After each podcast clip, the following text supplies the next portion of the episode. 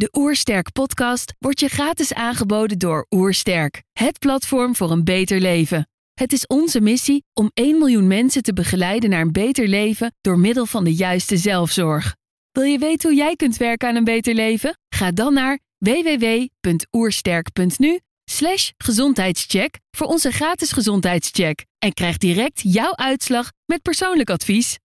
Mijn naam is Sander Arts en je luistert naar de Oersterk podcast.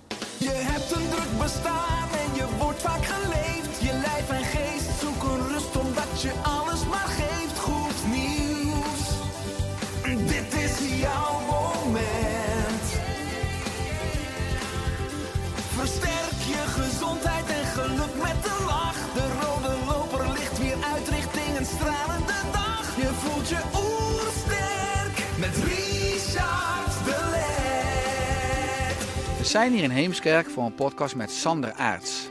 Sander was 16 jaar marinier bij de Special Forces. Hij is oprichter van de Unbreakable Academy en auteur van twee boeken. Ik ben benieuwd naar zijn tips voor een beter leven. Trouwens, geniet je van onze podcast? Abonneer je dan en laat een reactie of een review achter. Zo help je ons om het gezondheidsvirus te verspreiden. Let's start. De Oersterk Podcast. Een ontdekkingstocht naar een beter leven. Sander, welkom. Dankjewel, Richard. Op de voorkant van je eerste boek Niet te breken lees ik... Word mentaal onverslaanbaar door de ervaringen en lessen van de Special Forces. En je leefde het leven van James Bond. Hoe was dat? Ehm, ja, af en toe is het een soort met van ra- raar, te- een raar besef. Dus soms lijkt het alsof een soort van, eh, van, van droom of zo die ik, eh, die, ik, die ik heb beleefd. En soms kan ik juist weer niet eh, beseffen dat ik weg ben bij de eenheid en, en het werk niet meer doe, zeg maar. Dus het is een beetje duaal, zeg maar. Maar het is, ehm, ja, en hoe meer afstand ik ervan neem, hoe, hoe, hoe bijzonder het wordt eigenlijk. Dus dan ga je, krijg je vaak wat, wat meer helderheid, meer afstand op hetgene wat je hebt eh, gedaan en meegemaakt. En dan zie je ook wel dat het echt gewoon eh, bijzonder was. En toen ik daar zat, was het gewoon, ja, was het gewoon mijn werk, weet je wel. Toen, toen wist ik eigenlijk niet, eh, niet, niet beter. Dan zit je echt in zo'n zo'n bubbel. Maar nu met meer afstand eh, zie je dat het echt wel eh, bijzonder was. Ja. Ja, we het hebben over die bubbel. Je carrière was altijd jouw way of life. Ja. En je wilde de best getrainde militair van de Nederlandse Special Forces worden. En wat dreef je? Ehm, ja, kijk, achteraf ga je erover nadenken natuurlijk van hè, wat, eh, waarom deed ik het allemaal. Maar toen de tijd, toen ik, bij, eh, toen ik eh, echt bij de mariniers ging net, ehm ja, mariniersopleiding vond ik heel zwaar. Ik was net eh 17 of zo, en, eh, maar toen ik eenmaal ja, een beetje de mentale trucjes doorkreeg en het trucje van doorzetten en ja, hoe, hoe, hoe die processen een beetje werkten zeg maar, bij, eh, bij Defensie ook. Toen merkte ik op een gegeven moment, ja, toen ging het vuurtje een klein beetje branden. En dan vrij snel daarna gaf ik me op voor de commandoopleiding, dat is nog een zwaardere opleiding. En toen ik die opleiding had gehaald, toen was ik ook wederom een van de jongsten van de opleiding. Ja, toen wist ik, oké, dit, dit is gewoon zo, zo gaaf om, om te overwinnen iedere keer. En blijkbaar heb ik hier een talent voor. En ik vond het ook echt leuk om met een bijzondere kleine groep gewoon echt bijzondere prestaties neer te zetten. Ja, toen ging het vuurtje, vuurtje branden. Ja, maar je zegt het is extreem zwaar.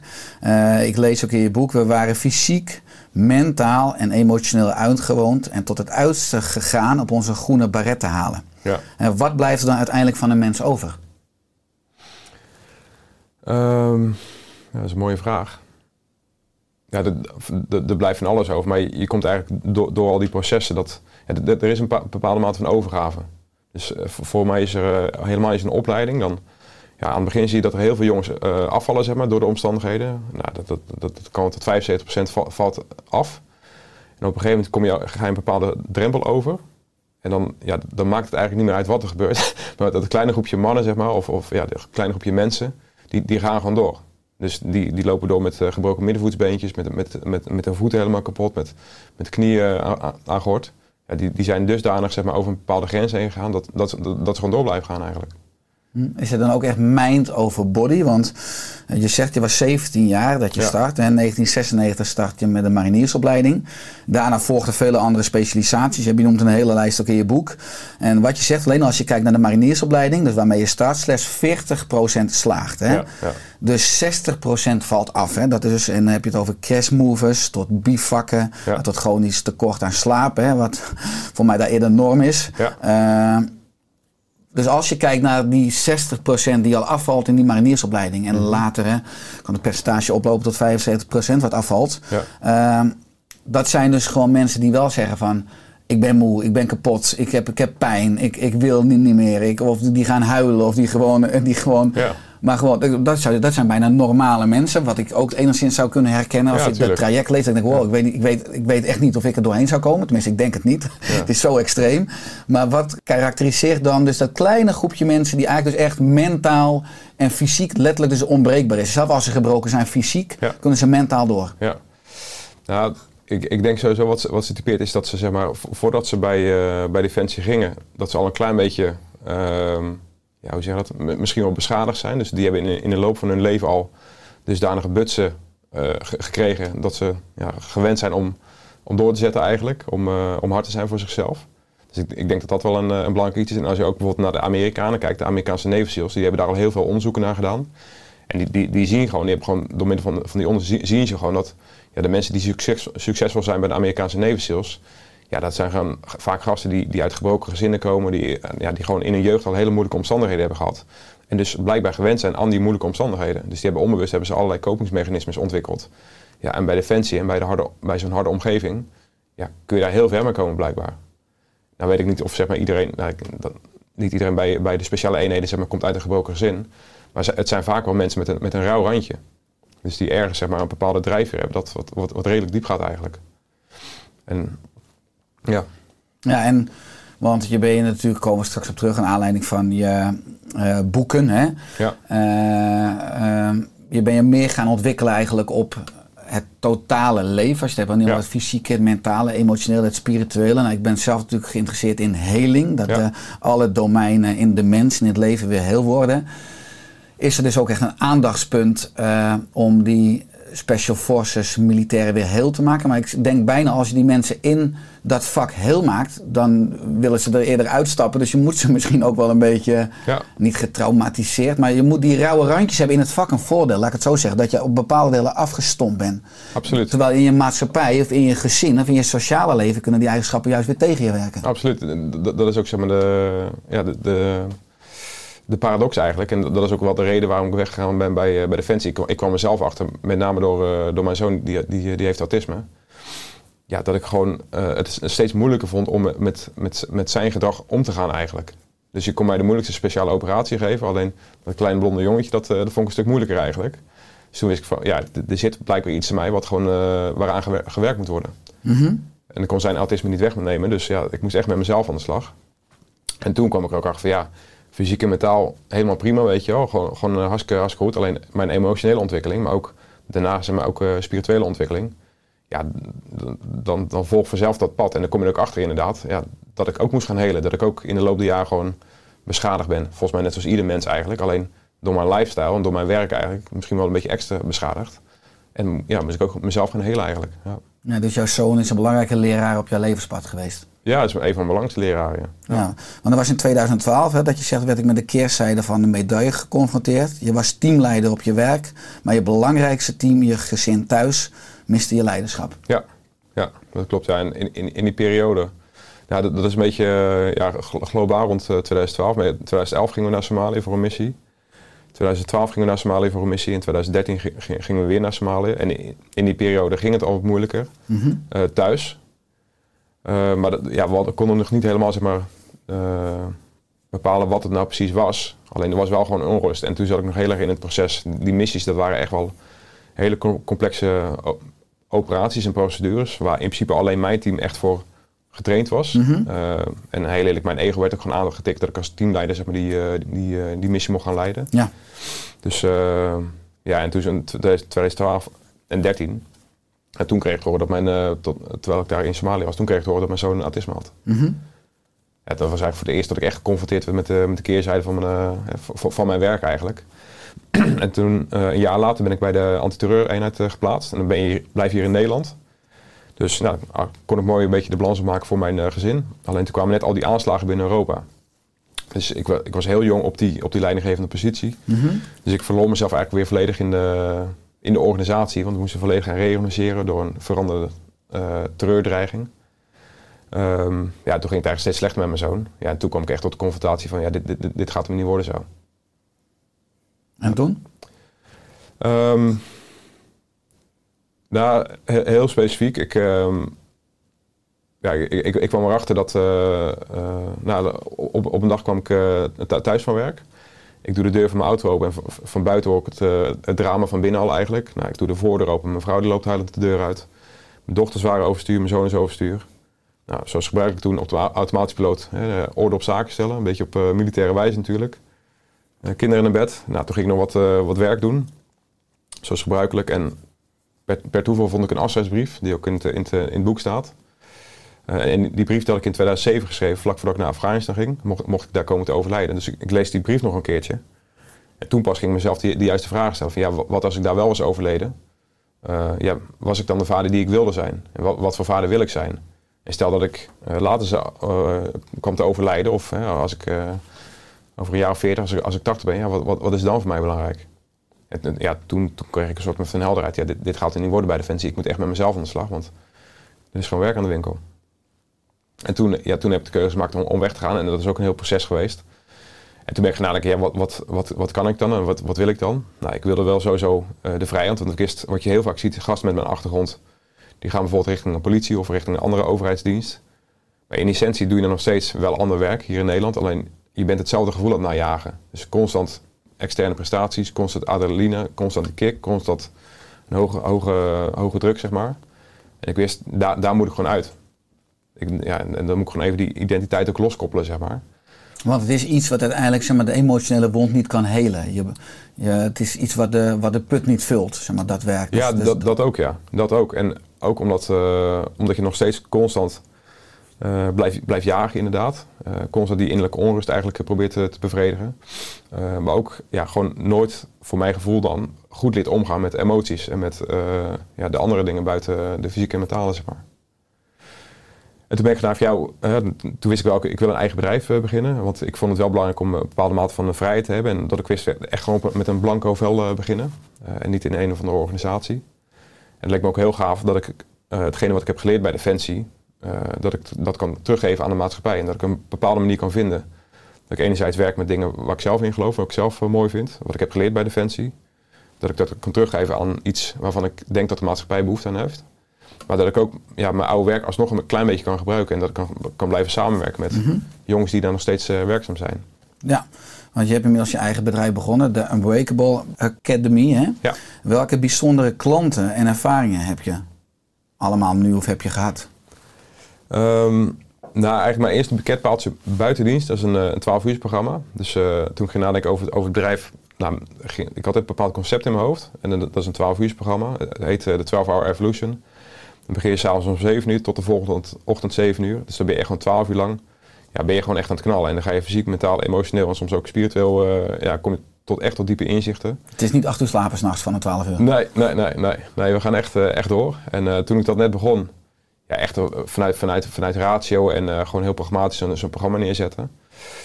Maar toen, zag ik, toen, we dat, toen we dat voor de eerste keer gingen draaien en organiseren, toen zag ik ook echt de impact die we konden maken met de, met de deelnemers. Dus wat je heel vaak ziet is dat... eh, eerst dacht ik ook van ja, er komen alleen maar echt militaire wannabes of extreme triatleten op af. Maar over het algemeen is het deelnemer tussen de 35 en de 45. En dat zijn gewoon mensen die ja, of op zoek, op zoek zijn naar bepaalde inzichten, die sterker in het leven willen staan, of die gewoon een persoonlijk vraagstuk hebben. En het programma ja, pelt gewoon een paar laagjes van, van jezelf af eigenlijk. Fysiek, mentaal of emotioneel. En het zet de deelnemers een klein beetje open. Ja, en dan kom je gewoon echt tot, eh, tot mooie diepe inzichten. En eh, ja, dat, dat is echt super gaaf om eh, te doen. Dat geeft heel veel zingeving. Ook omdat ik zeg maar, eh, de trainings die, bij, die ik daarbij inzet, dat zijn jongen met, jongens met een soortgelijke achtergrond. En ja, de afgelopen vier jaar heb ik zelf zo'n zo'n zo'n deep dive gemaakt in mijn persoonlijke ontwikkeling. En al die leringen daaruit stop ik ook weer in het programma. Dus dat is niet alleen eh, leerzaam voor de deelnemers, maar voornamelijk ook voor de trainers die ik, daar, de, eh, die, die, die ik daarin meeneem. Ja, ja dat, dat is echt super gaaf om te doen. Ja, want als je mensen dan eigenlijk zo onder druk zet en eigenlijk zo confronteert met hun kern, of tenminste dat ze Ja. zich weer wat openen, dat ze wat laagjes afpellen. Eh, heel veel mensen hebben natuurlijk ook angsten. Ja, Eh, nou, je had het net over 2007, waarin je inderdaad een afscheidsbrief schreef voor je vrouw en kinderen. Eh, dan ging je naar een missie in Afghanistan en je Ja. zou kunnen komen te overlijden. Eh, ben je wel eens bang geweest om dood te gaan? Hè, met al die extreme dingen die je gedaan hebt, ook vanuit je werk? Ehm, Is dat een optie in je hoofd? Schakel je dat gewoon helemaal uit? Nou, je, je, schakelt het vaak uit. Dus zeg maar, die, die, angsten of die gedachten, die, eh, die, die stop je vaak weg. Maar helemaal bijvoorbeeld het schrijven, tijdens het schrijven van die brief, ja, dan, dan komt die echt wel binnen. Want dan ga je echt nadenken over je eigen sterfelijkheid. En niet over, alleen over je eigen sterfelijkheid, maar wat, ook wat het dat betekent voor je gezin. En met, met name dat laatste aspect, voor je, voor je kinderen. Ja, dat, dat komt toen echt wel binnen. Maar zoals gebruikelijk toen stopte ik dat snel weg, zeg maar. Dus ik snel, schreef snel die, eh, die brief. En toen werd echt eh, de focus op de missie. En ja, dan ga je weer vanuit, vanuit de emotie, ga je vanuit de ratio. En dat was wel een mooie brief. Aan het einde van de brief sluit je ook af van ik heb inmiddels zakdoeken Ja. eh, of mijn toetsenbord of mijn Ja. brief. anders is het niet leesbaar. Maar Ja. dat is dus dat is natuurlijk wel heel extreem als je een, een afscheidsbrief moet schrijven terwijl je leeft. Ja, absoluut. Nou, het, het is misschien extreem. Maar eigenlijk pas toen ik wegging, en eigenlijk helemaal de afgelopen tijd, ik, ik, ik denk dagelijks aan de dood. Ik denk da- dagelijks aan mijn eigen, eigen sterfelijkheid. En ik denk dat het heel veel mensen heel goed zou doen als je een keer je eigen afscheidsbrief gaat, gaat schrijven. Want dan ga je jezelf eindelijk dwingen, oké, wat is nu echt belangrijk? En wa- waar ben ik nu mee bezig? En klopt dat met hetgene wat ik echt belangrijk vind? En 9 van de 10 keer zul je realiseren, helemaal als je hè, van middelbare leeftijd bent en je hebt nog 40 zomers te gaan, of 40, eh 40 winters, of 40 verjaardagen van je kind. Ja, dan ga je echt nadenken wat er belangrijk is. En dan, dan kun je ook bepaalde angsten of over, patronen, zeg maar, die kun je gaan overstijgen. Dus als je bijvoorbeeld de wens hebt om, ik noem wat, een eigen bedrijf te zetten of een boek te schrijven, maar je hebt allerlei innerlijke overtuigingen om het niet te doen. Nou, als je na, gaat- na gaat denken over sterfelijkheid, eh, dat je, dat je tijd op aarde hier beperkt is, nou, dan kan het een hele krachtige stok achter de deur zijn om wel gewoon door die angst heen te gaan. En dan leer je 9 van de 10 keer dat dat die angst gewoon niet bestaat. Alleen dat die in je hoofd zat. Maar waren dat ook de antwoorden die jij dan vond? Een bedrijf beginnen heb je gedaan, een boek schrijven heb je gedaan. Nee, nee eigenlijk. ehm, nou, voor mij was het wel inderdaad zeg maar, de, ehm, de, stok achter de deur om, om weg te gaan bij, bij Defensie. En ja, ik, ik ging echt tot in, in, de, kern eigenlijk nadenken. Oké, stel dat ik nu nog eh 60 ademhalingen heb. En wat, wat, wat is er dan belangrijk? Nou, de mensen die om me heen staan, zijn, is dan belangrijk. Maar dat niet alleen, vooral wat ze voor, voor mij voelen. Maar, en ook wat ik voor hun voel. En dat is on, on- onvoorwaardelijk liefde. En als ik heel eerlijk was toen, zaten er best wel wat blokkades zeg maar, om dat te mogen voelen. Want ik vond het heel moeilijk om dingen te voelen. Eh, ik kon mijn omgeving echt wel liefde geven. Alhoewel, met mijn, met mijn zoon zijn gedrag was het toen echt wel soms lastig. Dus dan leer je ook van, ja, dat het lastig is. Nou, er zit er bij mij waarschijnlijk een blokkade om die onvoorwaardelijke liefde te mogen voelen. Voor hem, maar ook richting mijzelf. Ehm, dus toen wist ik, ja, gewoon, dat gaf mij heel veel helderheid dat ik gewoon aan de slag moest met die blokkades. Want voor de rest is het niet zo heel veel belangrijk, behalve die onvoorwaardelijke liefde. Ja, want als je het hebt over angst, het leven en de dood. Je hebt wel met de dood te maken gehad in je werk, maar Ja. vaak aan de andere kant. Hè, wat je ook schrijft in het boek is in 2011 bestormden jullie in Somalië een schip met 16 gijzelaars. Ja. Eh, en er werden twee piraten uitgeschakeld, dus Ja. gedood. En normaal dat heb je ook met je eigen ogen hè, van dichtbij kunnen zien. Hoe is dat dan? Om, om dat zo te zien? Of? Ja, om ook dus, ja, aan de ene kant wil je die missie natuurlijk tot een goed einde brengen. Je wil Ja. die mensen bevrijden. Maar ook als je dan terugkijkt, kijkt, dan denk je, ja, ik heb net wel eh, twee mensen morsdood eh, zeg maar, op de boot zien liggen. Ja, ja. Die, die, jou, die jouw team zeg maar, uitgeschakeld Ja, hebben. ja, Die, eh, ja, ja. ja, dat is. ehm, ja, kijk, achter, achteraf ga je daar eh, veel over nadenken natuurlijk. Van, eh, en één stapje terug, bijvoorbeeld in, in eh, 2007 tijdens die missie in, in Afghanistan. Ja, toen hebben we zelf ook echt, toen hebben we 30 vuurgevechten meegemaakt. Dus dan, dan ben je heel veel op, op mensen aan het schieten en wordt er ook op jou geschoten. Maar toen hebben we ook een situatie gehad dat wij een groep eh Taliban-strijders in een hinderlaag moesten laten lopen. Dus ja, dan ben je gewoon doelbewust, ben je gewoon iemand in een hinderlaag aan het eh, l- laat je lopen eigenlijk. mhm.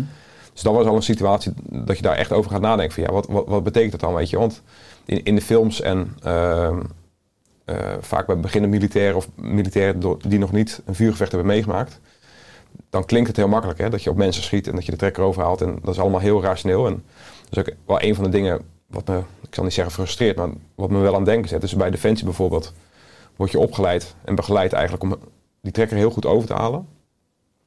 Dus al het moment zeg maar, tot die trekker overhalen, ja, daar word je heel goed in opgeleid en eh, begeleid eigenlijk. Alleen dat vervolgproces daarna, dat is er niet. Dus wat, wat gebeurt er nu zeg maar, met jou, fysiek, mentaal, emotioneel, spiritueel, als jij wel die trekker overhaalt? En als je iemand raakt, wil je dan ook. Ja, Ja. ja, ja. En eh, kijk, en dat is ook het het beeld wat mensen hebben. Niet heel veel gebe- gebeurt dat je als je op, op iemand schiet. Het is niet zoals in de films, weet je wel. Dus ja, bij, bij, bij de meeste vuurgevechten die ik heb meegemaakt, heb je geen idee of je überhaupt iemand hebt geraakt. En achteraf leer je wel door inlichtingen dat, dat er doden zijn gevallen. Maar de situaties dat je echt weet, oké, ik schiet op iemand, hij gaat neer en je hebt hem uitgeschakeld. Ja, die zijn, die zijn op één hand te tellen. Die zijn, eh, die zijn echt zeldzaam. Ja.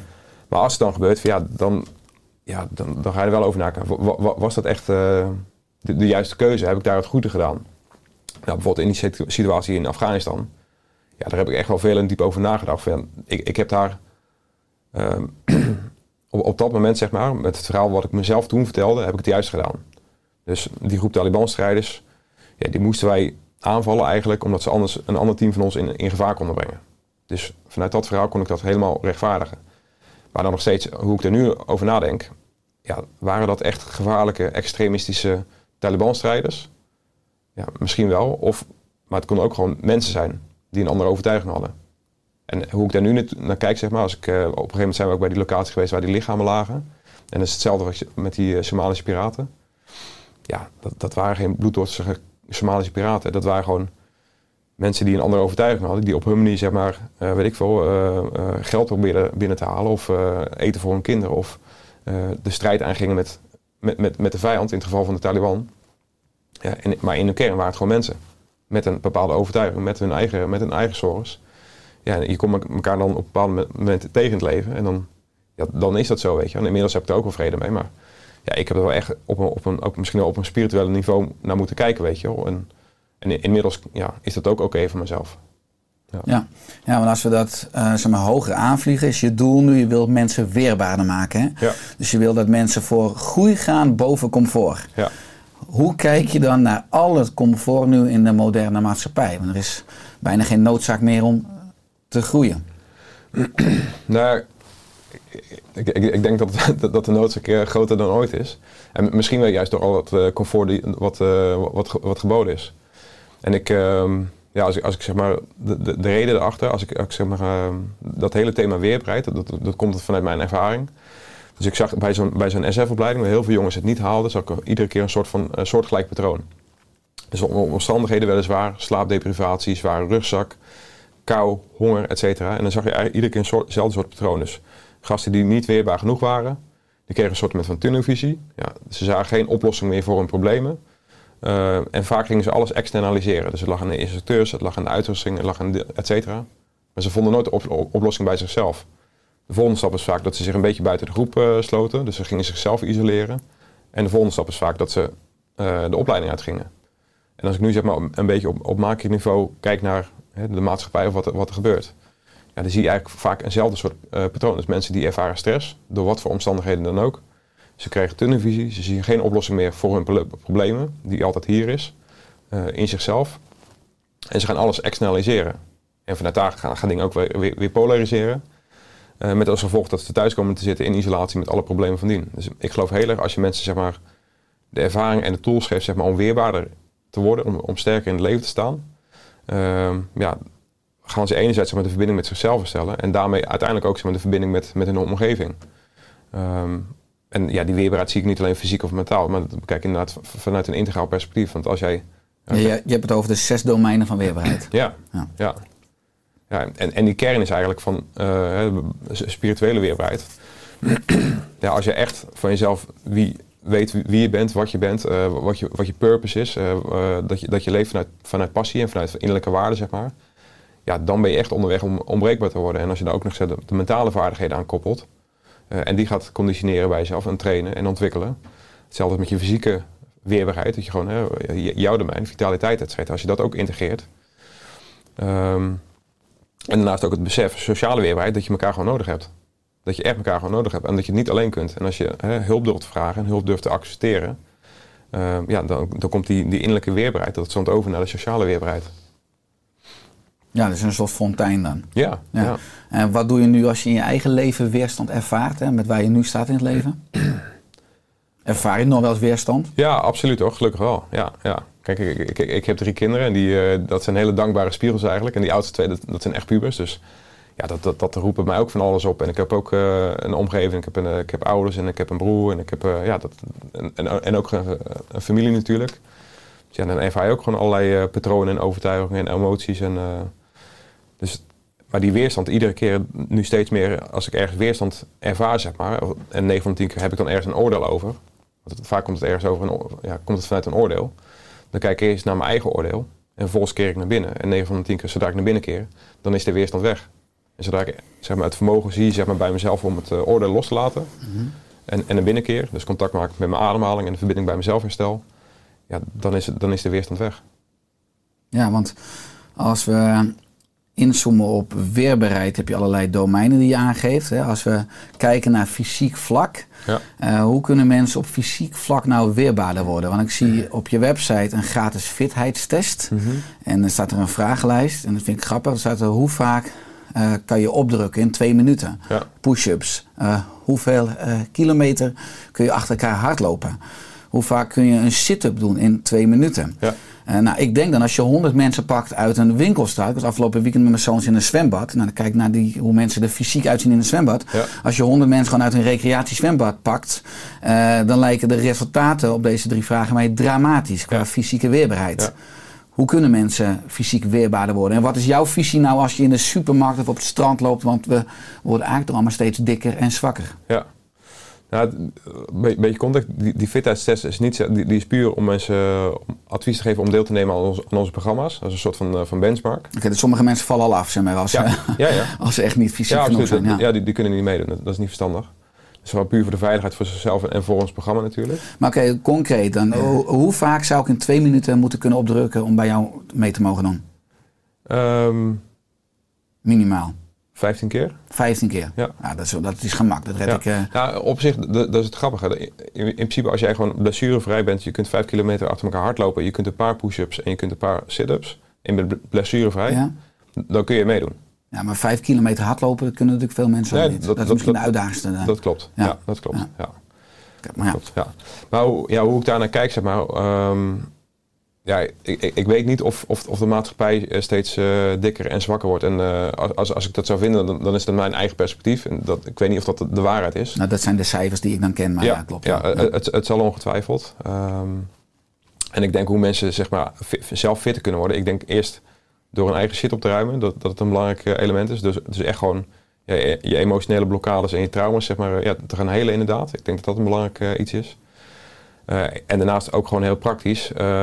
Ja, gewoon vanuit zelfzorg of vanuit zelfliefde voor, voor jezelf gaan, eh, gaan zorgen. Zeg maar. En niet omdat je een sixpack wilt of omdat je Instagram wilt of, de- of omdat je eh, alle externe prestaties nodig hebt om, eh, om jezelf goed te voelen. Maar ik denk dat als het echt vanuit innerlijke, van een innerlijke overtuiging komt, vanuit innerlijke kracht, ja, vanuit daar kun je aan jezelf gaan werken om, om, om fitter te worden, om vitaler te worden. Maar is het lichaam dan in jouw optiek ook een voertuig voor de mind, hè, om mentaal emotioneel in balans te komen of te blijven? Ja. Ja, dat denk ik wel, ja. ja. Ik heb toevallig, eh, nou, niet, toevallig, maar eh, afgelopen jaar eh, heb ik een, een yogaopleiding gedaan. En ja, dat is ook, ja, dan wordt het lichaam gezien ook als een, als een manier om, om de verbinding te herstellen eigenlijk met, je, met jezelf en met je omgeving. Ja. Hoe was het met je fysieke flexibiliteit toen je met yoga startte? Ja, dat was eigenlijk de voornaamste reden dat ik eh, yoga begon. Ik, ik kwa- kwam er wel achter dat, eh, ja, ik heb altijd best wel hard en extreem getraind, zeg maar. Eh, en dat bepaalde spiergroepen natuurlijk. En ja. Ja, precies, precies. En op een gegeven moment kwam ik al af, ja, dat is niet duurzaam. Helemaal als ik weg ben bij Defensie, het is niet meer nodig. En ik wilde ook ja, aan mijn eigen mobiliteit gaan werken. En toen ben ik begonnen met yoga. Maar toen kwam ik heel veel snel achter dat, ja, dat het veel dieper gaat dan alleen lichamelijke flexibiliteit en mobiliteit. Maar dat er echt gewoon ja, een heel mooi spiritueel pad is. Ja, dus voor mijn eigen ontwikkeling was het ook echt eh, prachtig. Ja. Ja, maar yoga is natuurlijk ook eigenlijk een spirituele, met asana's, met lichaamshoudingen. Het staat eigenlijk ook natuurlijk het lijf en, en body-mind is één. Absoluut, ja. En eigenlijk om jezelf spiritueel te ontwikkelen via body-mind. Dat is eigenlijk natuurlijk wat je met yoga doet, buiten dat het fysiek ook heel veel positieve Absoluut. effecten heeft op eh, de stofwisseling en hormonen. Eh, fysiek enerzijds, natuurlijk mentaal anderzijds. Nou, je, ik, ik had al qua opening dat je ook schrijft over hoe we mentaal onverslaanbaar kunnen worden. En dat het dan ook vooral belangrijk is eh, dat je sterk genoeg bent zodat emoties de ruimte kunnen krijgen. Ja. Is dat ook, zeg maar, een, want normaal is mentale emoties dan weer zijn twee afdelingen, maar kan je mentaal alleen maar onverslaanbaar worden als je ook plek geeft dus aan die emoties? Eh, ja, ja, kijk, en dat is ook eh, hetzelfde als met die domeinen. We hebben het nu over fysiek en mentaal en emotioneel. En dat- dan, dan maken we er allemaal concepten van. Maar voor, voor- mij, hoe, hoe ik nu naar kijk, is het is allemaal één. Het is allemaal met elkaar, met elkaar verbonden. Dus als jij emotionele blokkades bij je draagt, of emotionele trauma's, ja, dan, heeft het, dan, dat gaat zich manifesteren in je lichaam. En gaat vervolgens ook zeg maar, eh, richting het mentale aspect. En vice versa, als jij, als jij niet eh, mentaal sterk genoeg bent om met de uitdaging van de omgeving om te gaan, ja, dan heeft het ook op jouw fysiek heeft dat, heeft dat, zijn effect. En ook vervolgens op je emoties en hoe je je voelt. Ja. En, maar als als je hebt, ja, hoe, hoe ik er nu naar kijk, als je, als je het hebt over echt mentaal onverslaanbaar, ja, dan moet je echt richting het spirituele gaan eigenlijk. Als je echt weet tot, in- tot in je kern wie of wat jij bent, ja, dat is niet je lichaam, dat is niet je geest. Dat, dat is een spirit, dat, is een ziel, of hoe je het noemen wilt. En dat is onbreekbaar. ja. En als je, als je daar eigenlijk iedere keer naartoe kunt gaan, zeg maar, eh, als de om- omstandigheden moeilijk wordt, ja, dat, dat is voor mij zeg maar ook die, eh, die spirituele groei. Nou, mooi als je, als je het hebt, als je het moeilijk wordt. Hè. Je had ook een moment in 2012. eh, toen eh, had je voor de kust van Kenia. Na een geslaagde duikactie kwam je in aanraking met een haai in het water. Het maakte je angstig. Wat heb je van deze ervaring geleerd? Ehm, nou, sowieso in de, in de, tijdens diezelfde missie, zeg maar, moesten wij nog heel vaak het, wa- het water in. Dus we hadden één keer die ervaring gehad dat wij eh, tijdens een training met een onderzeeboot werden geconfronteerd met een, met een haai. Die was echt om, ons- om ons heen het cirkelen. Ja, dat maakte zo'n diepe impact op, op mijzelf, maar ook op mijn team. Het, het, het, het, gaf gewoon een, soort stempel van angst of zo. En nou, we moesten doorgaan met, eh, met die trainingen. Dus iedere keer moesten we weer s'nachts het, het donkere water in ja, nog steeds met dat, met dat beeld en met, met, dat, met het gevoel van die haai, zeg maar, eh, ja, in, in je systeem als het ware. En helemaal als je daar zeg, met het water gaat, dan, eh, dan heb je ook van het lichtgevende plankton. En dat, dat, dat gaat opgelichten zeg maar, in donker water, zodra het in beweging komt. Dus als je dan met het team onder water gaat, zie je constant van die lichtgevende schimmen om je heen. En helemaal met het, met het beeld van die haai. Ja, iedere keer krijg je zo'n golf van angst door je heen. Maar we, we, moes- we moesten wel door natuurlijk. Alleen ik, ik vind het best wel een mooie metafoor dat je eigenlijk ja, in, in het, in, het, eh, in het heden ja, word je eigenlijk constant nog geconfronteerd, getrokken door angst uit, uit de toekomst. En bij ons, ja, dat, dat beeld van die haai, tuurlijk was het ergens wel een soort met van ehm, terecht dat die angst er was. Ja, dat was natuurlijk wel een 1 op een honderdduizend kans natuurlijk dat je geconfronteerd wordt met zo'n met zo'n haai. Alleen, ja, dat, dat bleef bij ons maar her- herhalen, zeg maar. Die angst zat echt in, in, eh, in ons team. Heb je dat inmiddels minder? Ik weet niet of je nog wel eens duikt. Maar heb je dat ook zeg maar, in je persoonlijke ontwikkelingsproces kunnen, kunnen oplossen? Kunnen transformeren? Ehm, nou, niet zozeer echt eh, angst voor haaien of iets dergelijks, maar wel gewoon dat je je eigen angsten gaat onderzoeken, ja. Ja, en ja, als, je, als je echt daarna, daarna hoeft te kijken, ten eerste als je, en, en, eh, als je het observeert, dan lost het vaak al op. Als je vanuit helderheid er naar gaat, eh, gaat kijken en alleen zodra je een oordeel over hebt of erbij gaat na- nadenken, ja, dan maak je er vaak weer een heel verhaal van. Dus de kunst is eigenlijk om, tenminste vanuit mijn perspectief, om die angst te bekijken, om echt te zien voor wat het is. En 9 van de 10 keer is dat een verhaal in je hoofd. En, dan, en vaak lost het dan op. Ehm, maar om, om die vraag concreet te beantwoorden, dat de angst voor haaien, zeg maar, dat, eh, ik, ik, ik duik bijna niet meer. Dat is, het is geen hobby van me of zo.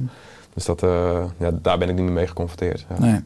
Ja, want het gaat ook natuurlijk in het leven, als je het hebt over mentale vlak, om discipline. Eh, hoe kunnen mensen een ijzersterke Special Forces discipline ontwikkelen? Wat is een eerste stap? Ehm, ik, ik denk dat een eerste goede stap is wa- waarom je discipline wilt. Dus eh, dat je de diepere reden achter je discipline gaat, eh, gaat onderzoeken. Dus bijvoorbeeld als jij eh, gedisciplineerd wilt worden omdat jij nou, bijvoorbeeld een, bepaald doel wilt halen. Nou, dus je kunt gaan onderzoeken, waarom wil ik dat doel halen? Waarom heb ik dat nodig? En wa- wat, is, het- wat, voor effect wil je daarmee bereiken, zeg maar? Dus als je vervolgens het hele lijntje gaat, gaat uitlopen, want hoe het weer went verkeerd, als jij bepaalde doelen voor jezelf stelt, ja, en het zijn een beetje eh, uitdagende doelen, dan word je geconfronteerd met, met afleiders, met uitdagingen, met gebrek aan discipline. Ehm, ja, en dan krijg je op een gegeven moment ook eh, de waarom-vraag. Ja, wa- waarom doe ik dit eigenlijk? En als je die vraag niet goed beantwoordt, ja, dan is het heel makkelijk om af, afgeleid te worden en om, om minder gedisciplineerd eh, te zijn. Dus dat is een hele scherpe, denk ik, om, om, om dat hele proces eigenlijk helder voor, je, voor jezelf te krijgen. Eh, vervolgens kun je gaan nadenken van ja, oké, wat, wat zijn eh, mogelijke ja, afleiders van, eh, van discipline? Waar zitten mijn, mijn, zwakke, mijn zwaktepunten? Nou, dat kan je omgeving zijn, dat kan een stukje praktisch iets zijn. Dat je gewoon, een bekend verhaal, dat je niet met honger moet gaan, ga- gaan boodschappen doen. Ja, op die manier kun je het ook gewoon heel praktisch inrichten. En wat, wat, wat ook de kracht is zeg maar, van, van zo'n van zo'n SF-eenheid, dat, dat is het buddy-systeem. Dus je werkt altijd samen met een buddy, wat je, wat je ook doet. En dat is niet alleen qua veiligheid en dat je je buddy je rug heeft, maar dat is ook gewoon een stukje accountability. Dus als jij bijvoorbeeld ergens gedisciplineerd, gedisciplineerder in wilt worden, ja, dan zou het heel krachtig ku- kunnen zijn om een buddy te zoeken. Om gewoon te zeggen, joh, dit is mijn plan, hier wil ik in groeien, help mij. Ja, en dan kun je samen eigenlijk een plan maken en je buddy kan je eh, accountable houden. ja, dat zijn volgens mij makkelijke manieren om eh, gedisciplineerd te worden. Ik denk dat de moderne mens ook een enorme uitdaging heeft aan de smartphone, hè, aan notificatie. Mensen zitten zo drie uur per dag op dat ding. Eh, kan ook afleiden van discipline. Heb je daar ook een visie op? Had je trouwens als je, eh, als je in Afghanistan was of waar dan ook de wereld, Somalië en Kenia, ook een, je persoonlijke smartphone bij je? Of, of waar je afgeleid door kon worden? Of had je dat soort dingen nooit ook bij je als je Nou, op werk was? wij, hadden dat eh, toen nog niet zoveel. Dus bijvoorbeeld in Afghanistan was het eh, 2007. Toen hadden we wel, had je wel een telefoon, maar ja, we, waren niet heel veel in staat om, eh, om te bellen, zeg maar. Maar er was nog geen, eh, geen Instagram, zeg maar. Nee, Nee. nee, nee. Maar wat, dat betreft is het nu voor de huidige generatie militairen is het wel gewoon echt een stuk lastiger. Want heel eerlijk, als je zeg maar daar in zo'n uitzendgebied zit, ja, dan zit je echt in een isolement. En dan kun je gewoon 100% focussen op de missie. En dan krijg je, even lullig gezegd, krijg je niet mee wat voor zorg er allemaal nog thuis is. Maar nu ook juist door die sm- smartphone, et cetera, en die constant verbondenheid, ja, krijgen die gasten dat wel mee. Dus wat dat betreft is het, is het, is het eigenlijk een stuk, eh, stuk lastiger nu. Ik ben even je vraag of dat Ja, of dat het dus nog lastig is qua smartphone om dat te kaderen. Zodat je discipline, hè, mensen worden continu afgeleid nu door notificaties Ja. en door die social media apps. Dus het is altijd alsof je een stuk taart in je broekzak hebt zitten, die, eh, waar altijd prikkels zijn. Maar dat kan je ook afleiden van hetgene wat je echt graag wil bouwen. Daar moet misschien weer het waarom sterk genoeg Absoluut, zijn. ja. ja. ja, ja, Ik, ik, ik denk eh, inderdaad die, die, die waarom-vraag en echt het plan van aanpak en echt gewoon, ja, misschien wel wat, eh, wat scherpere deadlines voor jezelf. Hè, want die deadlines dat, dat geeft vaak ook een, een bepaalde druk. Eh, en helemaal als mensen ja, daarvoor eh, accountable houden. Ja, als je dan op je telefoon zit, dan, dan, dan stel je even, lullig gezegd, andere mensen ook eh, teleur, zeg maar. En zij moeten je daar ook gewoon op, scherp op stellen. Maar ik, ik heb daar niet een bepaalde visie bij. Oh, ja, het is ook gewoon heel praktisch, weet je. Als jij eh gedisciplineerd wilt doen of, of, of meer, minder op je, op je smartphone, ja, dan moet je daar gewoon eigenaarschap over nemen. En dan moet je de dingen gewoon eh, bijvoorbeeld voor negen niet, niet aanraken of gewoon alle notificaties uitzetten. Maar als mensen dus bij jou eh, die, eh, die 12 uur eh, instappen, dan neem ik aan dat ze een eh, mobiel ook moeten inleveren. Ja, Als ze met jou 12 uur zeg maar, gaan onderdompelen. absoluut. Ja, Ja. ja. Ja, Nou, als je het hebt over onderdompelen. Je was net eh, natuurlijk je avonturen als duiker. eh, nou, op het land, eh, op het water met de boot. Eh, maar ook in 2005 sprong je op 4 kilometer hoogte boven de Leus der Heide uit een vliegtuig. ja, ja. De parachute ging niet open. Dat wil je over het algemeen niet lijken als je uit een vliegtuig springt. En toen? Ja, je, hebt eigenlijk twee eh, soorten parachutesprongen. Dus eh, een sta- static line. Dus dan je het vliegtuig uit en automatisch gaat je parachute open. Dan zit een lijntje aan het vliegtuig. En je hebt vrijval en speciale eenheden. Special Force die worden altijd, ja, meestal eigenlijk eh, vrij val ingezet. Dus dan ga je vaak hoger, richting de 4 kilometer. Nou, dan spring je s'nachts bij voorkeur en met uitrusting spring je uit het vliegtuig. Vervolgens val je met 252 km per uur door de lucht. En vervolgens open je zelf je parachute. Eh, en dan gaat hij open. Als het goed is, dan kun je zelf naar het eh, landingspunt eh, vliegen. Alleen in dit geval kreeg ik een zogenaamde malfunction. Dus mijn parachute opende niet goed. En als je met zo'n hoge snelheid door de lucht valt, ja, iedere beweging die jij maakt, zeg maar, dat, dat heeft effect. Dus als ik zeg maar zo in de lucht lig en ik druk een klein beetje met links op, eh, op, de, op de lucht, eh, ja, druk een klein beetje naar beneden, dan maak je al heel snel een rondje. Dus he- het luistert heel nauw. Dus als je ook bijvoorbeeld niet stabiel in de lucht legt, ja, dan kun je al aan in spin raken of je gaat alle kanten op. In dit geval lag ik eigenlijk dusdanig eh, hol in, de lucht dat ik een soort van vacuüm op, mijn, op mijn rug had. En wat je dan eigenlijk doet, je, je pakt je, je, je hand deploy, dus zeg maar, een soort mini-parachute trek je eruit. Die laat je los. En die mini-parachute die gaat omhoog en die trekt je hoofdparachute trekt eruit. Alleen, ik had het mini-parachute eruit getrokken en die had ik te vroeg losgelaten. Dus die kwam eigenlijk op dat vacuüm op mijn rug.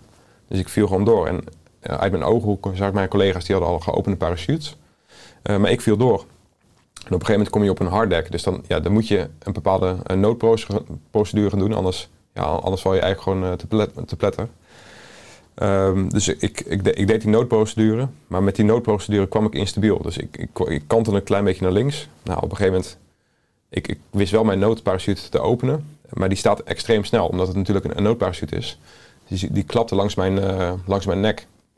Dus ja, op het moment dat, ik hing, was ik heel, e- heel even een moment was ik eh, oud. Op het moment dat ik bijkwam, ja, toen hing ik onder een eh, noodparachute en was ik uiteindelijk naar mijn, naar mijn landingspunt gevlogen. Maar dat hele stukje van mijn noodparachute openen, dat, dat, hele, dat hele stukje, dat, eh, ja, achteraf, ik, ik maak nu een verhaal van, maar achteraf eh, heb ik dat bijna niet meegekregen. Gewoon puur door de, extreme stress en spanning. Eh, maar hetgene wat mij wel toen heeft geholpen, zeg maar, is het stukje visualisatie. Dus voordat wij zeg maar, een, parachu een parachutesprong gingen maken, ja, dan ga je altijd standaard even het, je noodprocedures visualiseren. Omdat je, als, als je ze nodig hebt, ja, dan heb je geen tijd om na te denken. Dus die handelingen moeten puur geconditioneerd zijn. En in, in dit geval visualisatie heeft me daar echt uh, ontzettend bij geholpen.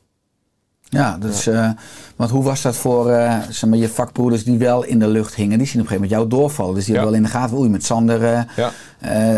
nou, eigenlijk hoop je op een gegeven moment dat je natuurlijk een parachute ziet, ziet openstaan. Maar ze kunnen je niet helpen. Want ze zitten hoger. Ze gaan langzaam naar beneden. Dus je, het was helemaal aan jou, zeg maar, uiteindelijk om het dan op te lossen. Ja, absoluut hoor. Dat, ja, en zij zien ook, want wat je eigenlijk doet met zo'n noodparachute, is dat je je hoofdparachute afkoppelt. Uh, dus ja, het is ook echt je laatste redmiddel. Dus die, die collega's die zien inderdaad een afgekoppelde parachute weg, wegdwarrelen. Dus die weten, oké, okay, daar, is, daar heeft er iemand een, noodprocedure uitgevoerd. Maar als ze vervolgens wel die noodparachute zien hangen, dan, dan zien ze, oké, okay, ja, waarschijnlijk is die, is die safe. Dus uh, waarschijnlijk komt hij wel naar de grond. Ja. ja. ja. Maar dat, dat zijn wel echt, uh, ook dat, als je het over angst overwinnen, als je dan een volgende keer weg gaat parachute springen, nou, dan moet je echt wel even over, over angst heen. Want ja, het is per definitie al echt een, uh, een, een, spannende sport natuurlijk. Helemaal s'nachts en uit, met de uitrusting. Ja, als je dan ook nog de angst van zo'n, van zo'n noodreserveprocedure in je gedachten hebt of in je systeem hebt. Ja, dat is echt een proces waar je doorheen moet. Ja. Maar ben je dan ook expres in de weken daarop nog een sprong gaan maken om dat dan weer wat meer in balans te krijgen? Ja, dat is wel wat ze, wat ze vaak doen. Normaal gesproken heb je echt van die, uh, van die springblokken. Dus dan heb je een week lang of twee weken lang ben je heel veel aan het springen. Maar in dit geval was het gewoon een enkele sprong, zeg maar. Dus voor, voor mij duurde het ook weer even voordat ik uh, parachute ging springen.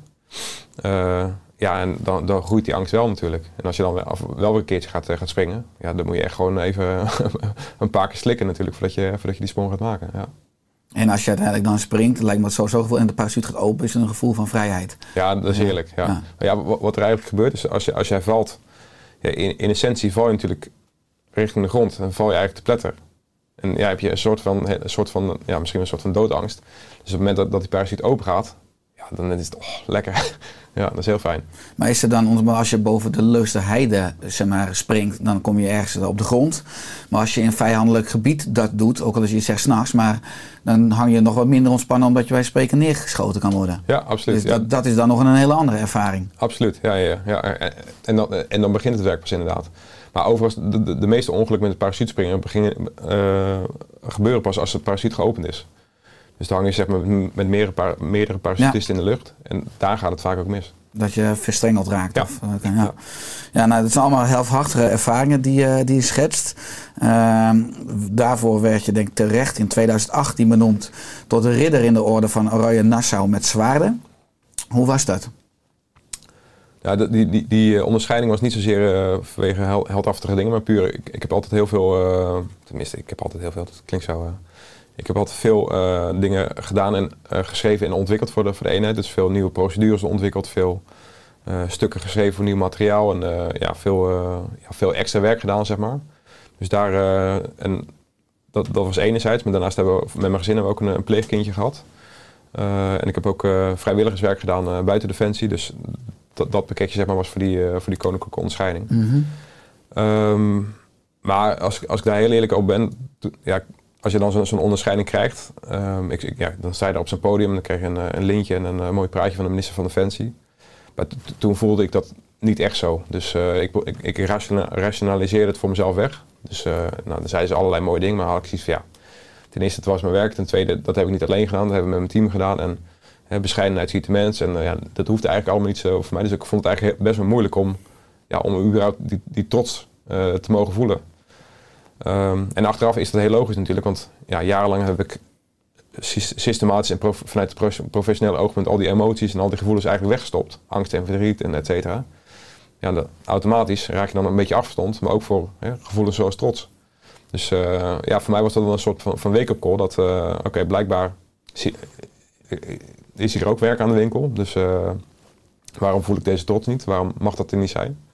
En voor mij was het ook wel echt een, ja, een leerzaam proces eigenlijk om ook daarmee aan de slag te gaan. Ja. Maar krijg je een speldje of krijg je een beker of een oorkonde? Waar moet ik Ja, je krijgt een uh, medaille. Ja.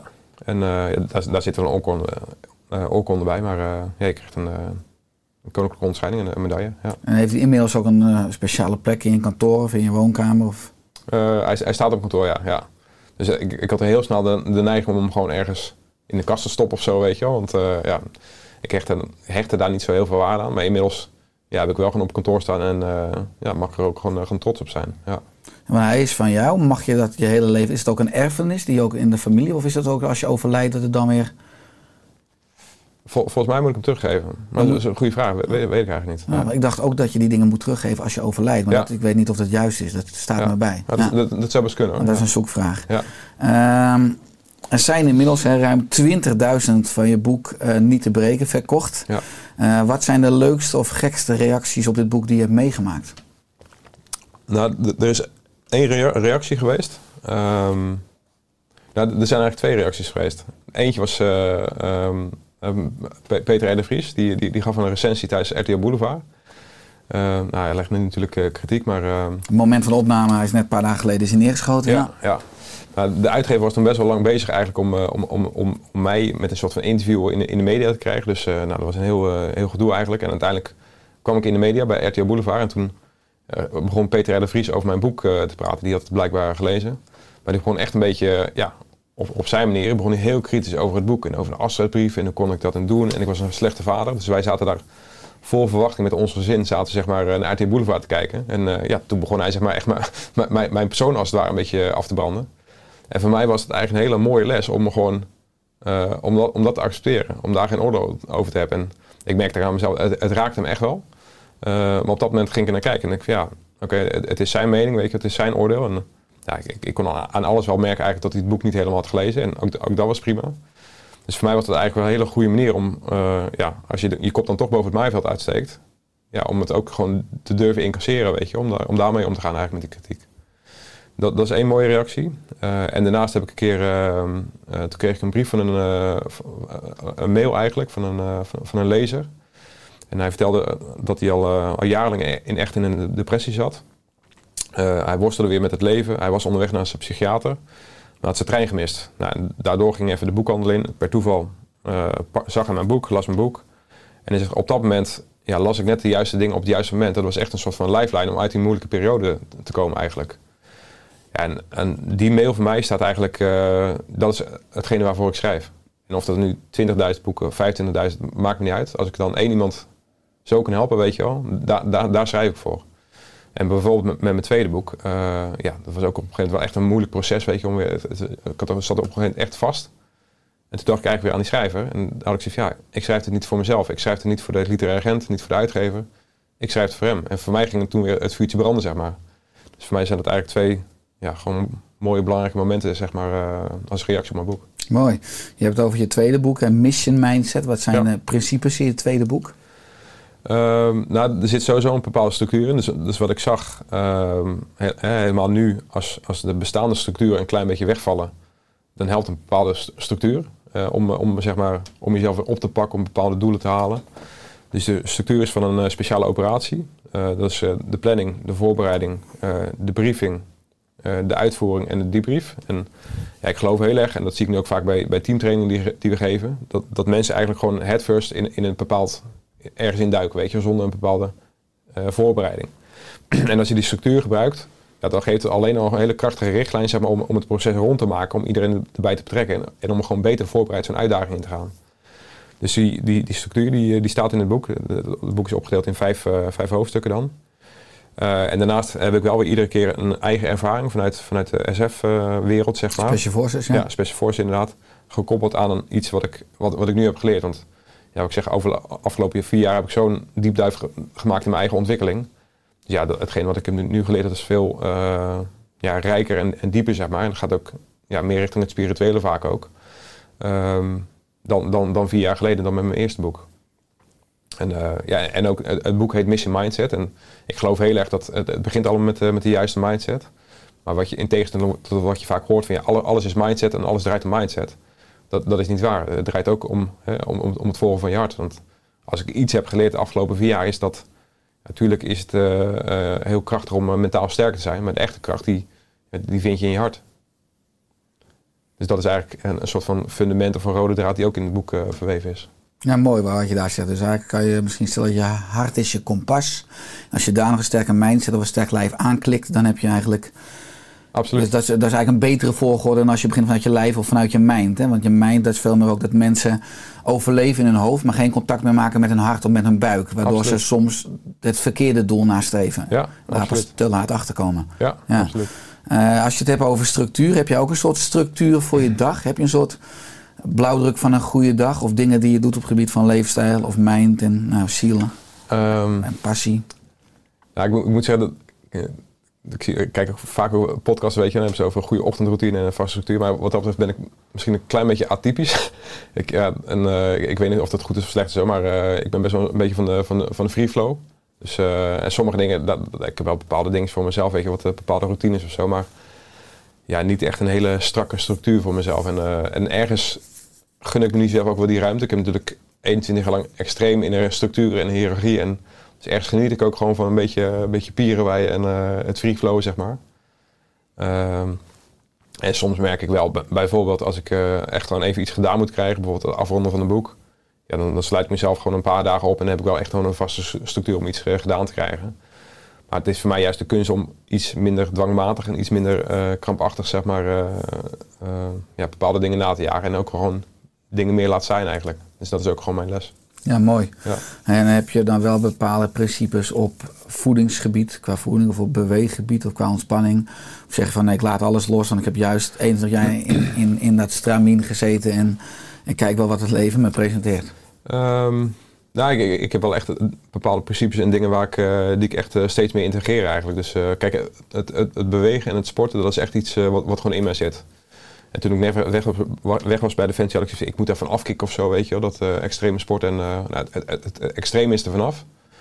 Dus ik hoef mezelf niet meer iedere keer te pijnigen, maar ik weet wel, het bewegen dat, en het sporten, en dat, is gewoon iets, ja, dat heb ik gewoon nodig. Dat vind ik gewoon fijn en dat lekker in de natuur, eh, dat sowieso. Dus ehm, ja, bijvoorbeeld steeds meer werk met, met ademwerk. Ook om het stukje om, om, om te helen, weet je, om gewoon ja, om de verbinding met mezelf te herstellen. Maar ja, dat vind ik ook zo'n prachtige middel eigenlijk. En dat, dat, dat gaat steeds dieper. Daar ligt ook zo'n on- onontdekte kracht nog bij mezelf om, om daarmee te gaan werken. Dus, eh, dus ja, regelmatig eh, ademwerk en na- natuur. Eh, ja, koud afdouchen doe ik eigenlijk standaard.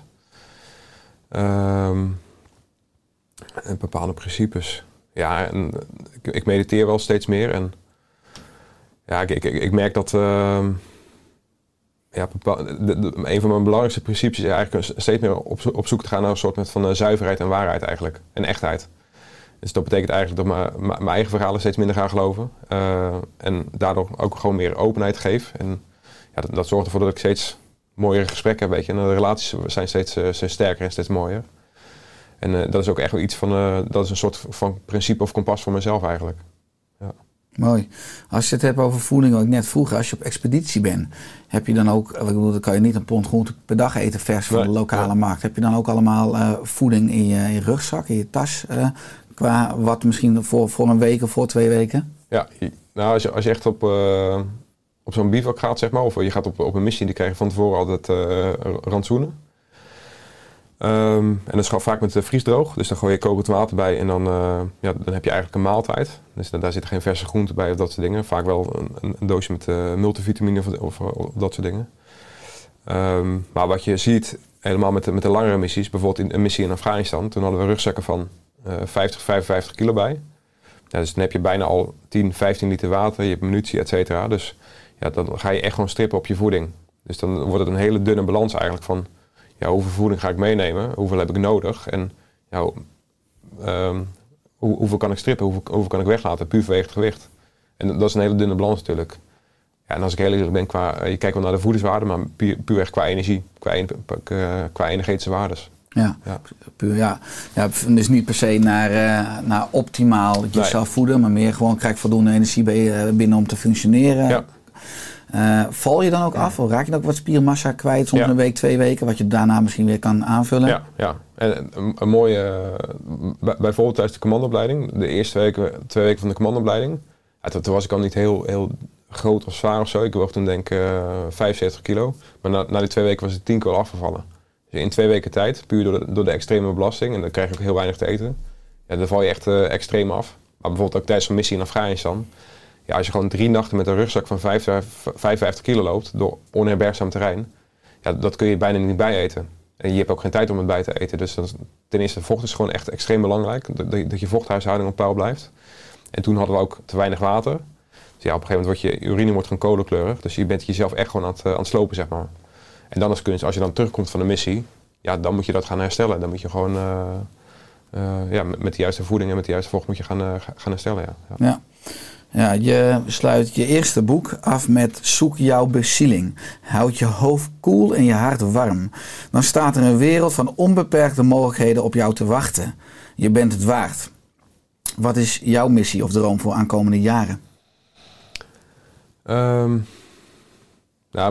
mijn persoonlijke missie is gewoon eh, eigenlijk een in het verlengen wat ik net zei. Eigenlijk gewoon mijn eigen blokkades eh, blijven opruimen. Gewoon eh, mijn eigen zuiverheid blijven ontwikkelen eigenlijk. Eh, om meer vanuit mijn hart te gaan, lopen, gaan, leven, om mijn hart eh, te blijven openen. En daar valt nog heel, veel- heel veel ruimte te behalen. Eh, en, dat, en dat eigenlijk ja, teruggeven op, mijn eigen manier. Dus bijvoorbeeld met het schrijven van het boeken, soms het geven van de presentatie of met name met mijn bedrijf. Ja, ik, ik geloof heel erg in dat ik op die manier, zeg maar, ja, door die weerbaarheid, zeg maar, om dat terug te geven met, door middel van mijn bedrijf, dat ik de andere mensen mee help. Ehm, Wat hoop jij uiteindelijk te vinden? Wat is voor je gevoel het eindpunt als je zelf helemaal verlicht bent of vrij bent of in balans bent? nou, ik- Wat je nu misschien nog niet voldoende ervaart. Uh, nee, ik, ik ervaar het heel veel hoor. En ik, ik, ben me echt wel bewust dat als ik, als ik het zoek, dan ga ik het niet vinden. Dus ik, ik, ik, ik zoek nergens naar. En ik probeer gewoon echt eh, ja, gewoon steeds meer eigenlijk in, in het hier en nu te leven. En gewoon eh, aan, me- aan mezelf te blijven werken, aan, eh, aan de relaties die ik heb. Het is ook niet dat ik zoek naar verbinding of, of naar, naar verlichting. Of dat ik... ja, ik, ik, ik be- beschouw niet dat ik op een soort van... Ondanks dat ik heel veel bezig ben met, spiritu op, eh, met spirituele zaken en thema's en ceremonies en weet ik het allemaal. Ik heb niet het idee dat ik op, op een soort van spiritueel pad ben. Ik, ik weet wel dat ik een spiritueel wezen ben met een menselijke ervaring. Ehm, ja, maar het is niet echt een soort van zoektocht of zo. Nee. Maar het is gewoon het levenslange proces dat het leven heet. En wat we allemaal als mens Ja. ons blijven groeien, ontwikkelen. En, Ja. en, en zin geven. Ergens Ja. aan bijdragen. Ja, en ik, ik merk eigenlijk steeds meer eh, dat eh, hoe meer ik dat er laat zijn, zeg maar, en hoe meer ik eh, mezelf uit de weg ga, hè, hoe minder Sander Aarts eigenlijk, hoe, hoe, hoe meer het leven door mij leeft. En, en dan komt het altijd goed. En dat, is, ja, dat is een heel mooi proces eigenlijk. Dan, dat, dat lukt niet altijd ook. Dat is niet altijd dat ik echt in een, in een hele goede flow zit. Absoluut Mhm. niet. Maar ik weet wel, als ik daar, daar echt op durf te leunen, zeg maar, dat, hè, dat ik het leven zich laat ontvouwen, ja, dan, dan komt het goed. Dan eh, ontstaan er mooie dingen. Mij eens, mooi Sander. Is er aan het einde van de podcast nog iets dat je graag wil aanvullen of toevoegen? Ehm.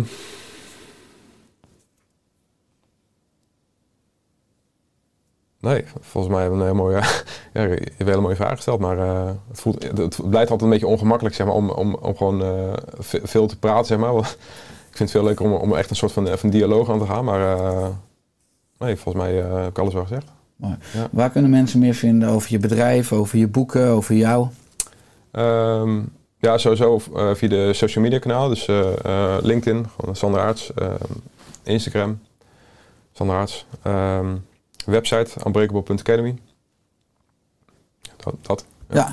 dus je zet, er zit een puntbus, hè? Unbreakable.academy. Ja, Ja, want het was niet .com, .nl. Ik was ook even aan het zoeken, maar het is unbreakable.academy. Academy. Ja, klopt. Ja. Ja. Mooi, Sanne. Dankjewel voor eh, je komst in de Oerstek podcast. En eh dankjewel voor eh, nou, eigenlijk je blootgeven, je inspirerende verhaal. Ook je missie met je bedrijf en je boeken. En Ja. eh, ik hoop samen met jou dat we Nederland en België nog een stuk weerbaarder en gezonder en vitaler mogen maken. Lijkt me een mooi plan. eh. En alle goeds aan komende jaren met je mooie activiteiten. Dankjewel, jij ook. Thanks.